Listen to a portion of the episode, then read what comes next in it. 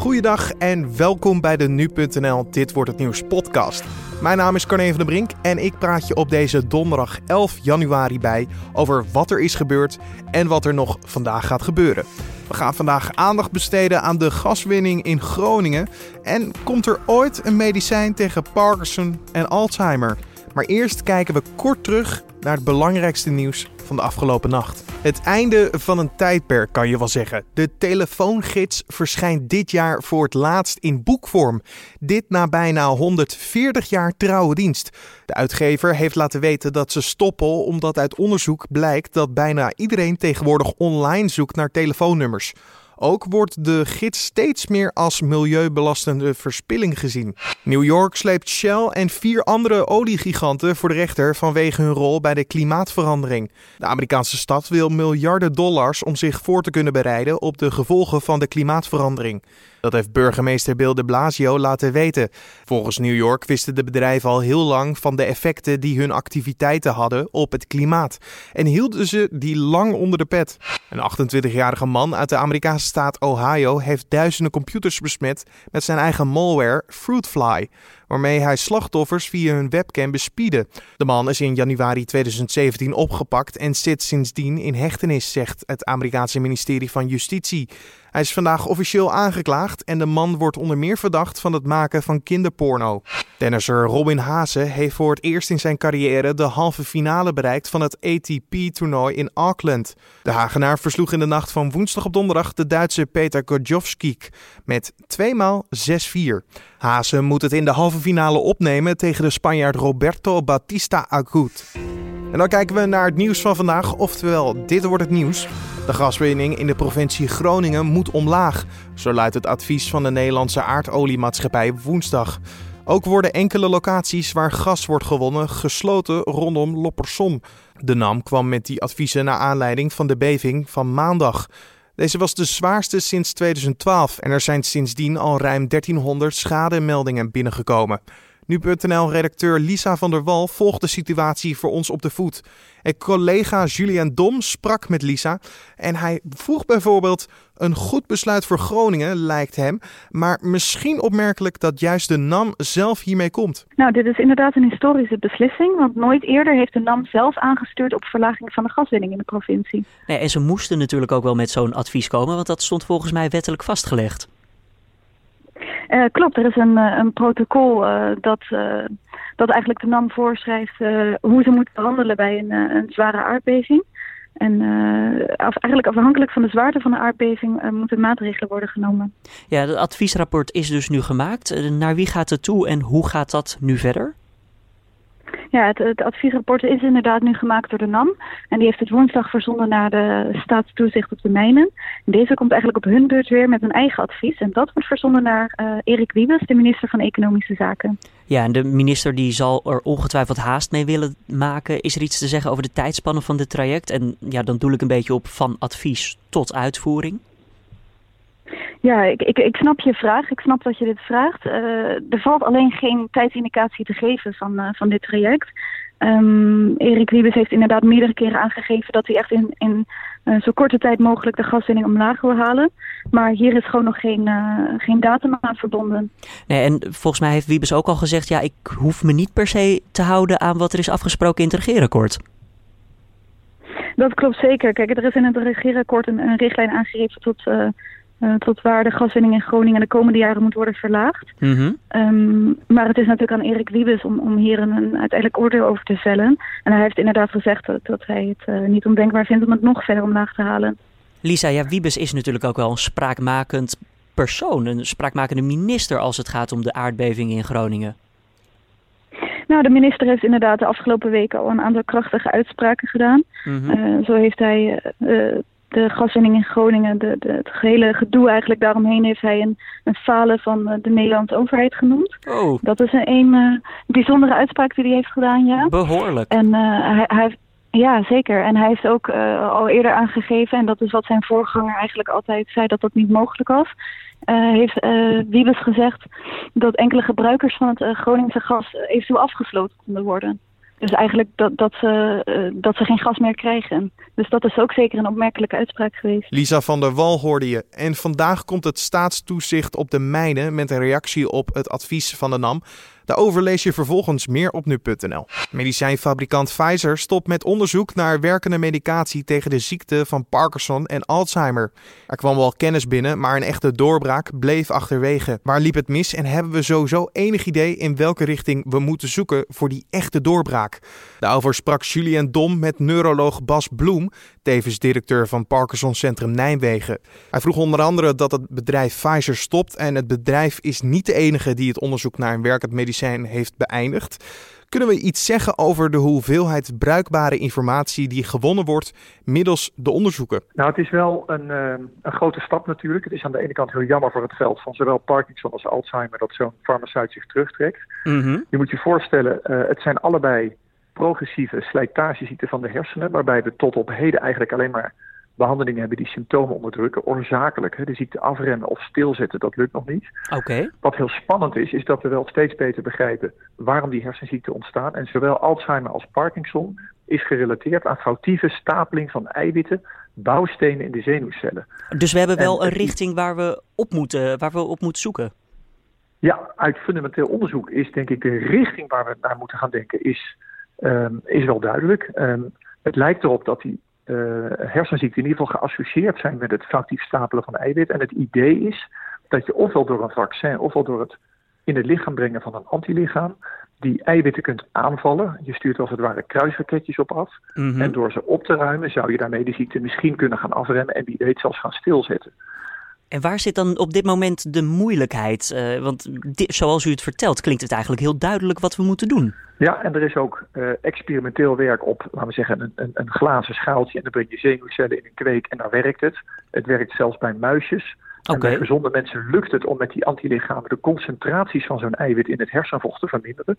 Alleen de trials zijn negatief en dat kan een aantal dingen betekenen. Het kan betekenen dat de theorie misschien toch niet klopt we zien die eiwitstapeling wel in de hersenen, maar misschien is dat een soort eindproces. Wat helemaal niet de primaire oorzaak van de ziekte is. Mm -hmm. Een andere verklaring is misschien dat we die trials nu nog te laat toepassen. Die mensen hebben de ziekte al. Die hele cascade van hersenverval is al lang in gang gezet. En misschien moet je dit soort behandelingen wel veel vroeger doen. Maar dan kom je, sorry dat ik u onderbreek, maar dan kom je natuurlijk bij het probleem als je het bij, uh, zoiets in gang zet bij iemand die het niet heeft. Dan weet je ook niet of die het ooit zal krijgen. Of dat dus aan het medicijn ligt of dat hij het gewoon nooit heeft gekregen. Nee, precies. Dat zijn natuurlijk verschrikkelijk ingewikkelde studies. Ook kostbare studies om uit te voeren, want die zijn heel langdurig. Dus wat je normaal gesproken doet, is je probeert te bewijzen dat je de ziekte kunt afremmen bij mensen die het hebben. Dat is het makkelijkst. Mm -hmm. En stel dat dat gewerkt had, dan kun je daarna de stap gaan zetten naar de fase voorafgaand aan de ziekte. Die stap zal nu niet snel gezet worden, omdat het al niet werkt in de uh, groep van mensen die de ziekte al hebben. En nogmaals, het kan betekenen dat je te laat ingrijpt in het proces. Het kan betekenen dat misschien de theorie niet klopt. Of, en dat is natuurlijk toch iets heel bijzonders aan de hersenen, dat het gewoon niet lukt om dat medicijn met de juiste concentratie op de juiste plek in het brein te krijgen. De hersenen zijn toch een heel speciale, afgeschermde, bijzondere omgeving. En wie weet ligt daar ook nog wel een probleem. Ja, en ja, nu, het bedrijf Pfizer heeft dus nu wel gewoon het onderzoek gestopt. Is er dan een andere manier om dit toch nog op gang te houden? Om, om, om ja, met nieuw onderzoek te komen wellicht? Ja, zeker. Er is wel een hele andere spannende ontwikkeling waar ik zelf een enorme voorstander van ben. En dat heet drug repurposing. Daar zit het woord purpose in. Mm -hmm. Eigenlijk moet je je voorstellen, wat Pfizer nu doet, hè, is, is, is, is de hard way. Die proberen een geneesmiddel op papier te ontwikkelen. En dan dat hele traject tot aan een trial en toepassing bij mensen, daar gaat rustig 15 jaar overheen. Drug repurposing is eigenlijk een hele slimme techniek waarbij je kijkt naar bestaande geneesmiddelen die voor een heel ander doel gebruikt worden. En waarbij je eerst op papier gaat kijken, hé, hey, zou dat misschien iets met die eiwitstapeling kunnen doen?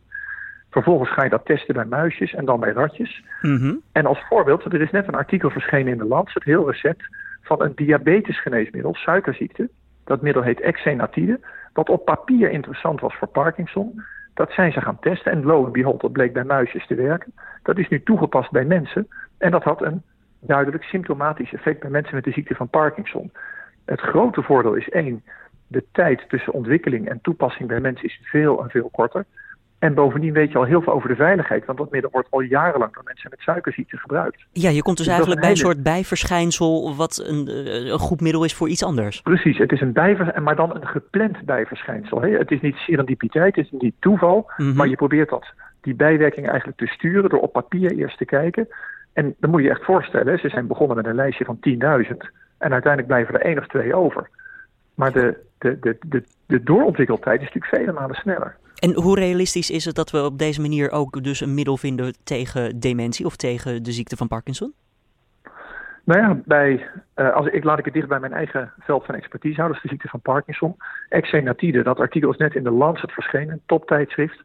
Dat is een hele veelbelovende ontwikkeling. En um, ik denk dat um, het drug repurposen, tussen nu en tien jaar absoluut nieuwe medicijnen voor mensen met Parkinson op gaat leveren. Je hoorde neuroloog Bas Bloem over onder meer de mogelijkheden van nieuw onderzoek om de ziekte van Parkinson en dementie tegen te gaan. dit gebeurt er verder vandaag nog. De Amerikaanse president Donald Trump ontmoet zijn nationale veiligheidsadviseur om te beslissen of de nucleaire deal met Iran verlengd wordt.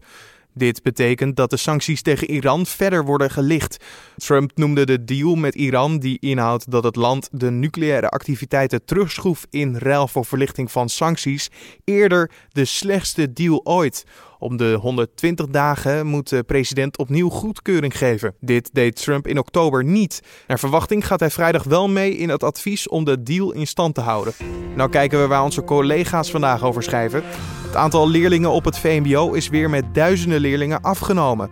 Het AD schrijft dat ouders hun kinderen liever naar het HAVO en VWO zien gaan. Middelbare scholen stellen echter vast dat lang niet alle leerlingen dat niveau kunnen halen. Ze moeten later alsnog terug naar het VMBO. Dit schooljaar zijn er meer dan 2000 leerlingen minder in de derde klas van het VMBO terechtgekomen dan het jaar ervoor. Verpleeghuizen krijgen extra geld om 20.000 nieuwe medewerkers aan te trekken. Dat geld gaat ten koste van de thuiszorg en ziekenhuizen. Zo zegt de directeur van het Universitair Medisch Centrum Groningen, Jos Aarsen, in Trouw. Hij vreest zelfs dat de verpleeghuizen andere zorginstellingen leegroven. Ook Hans Buijing van de branchevereniging Thuiszorg Nederland ziet dat inderdaad als een reëel gevaar.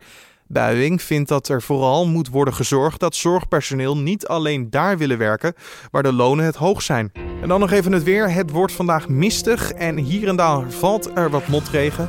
Ook de zon zou op sommige plekken even kunnen doorbreken. Afhankelijk van of je in de mist bent of in het zonnetje staat, wordt het 3 tot 8 graden. En dan nog dit.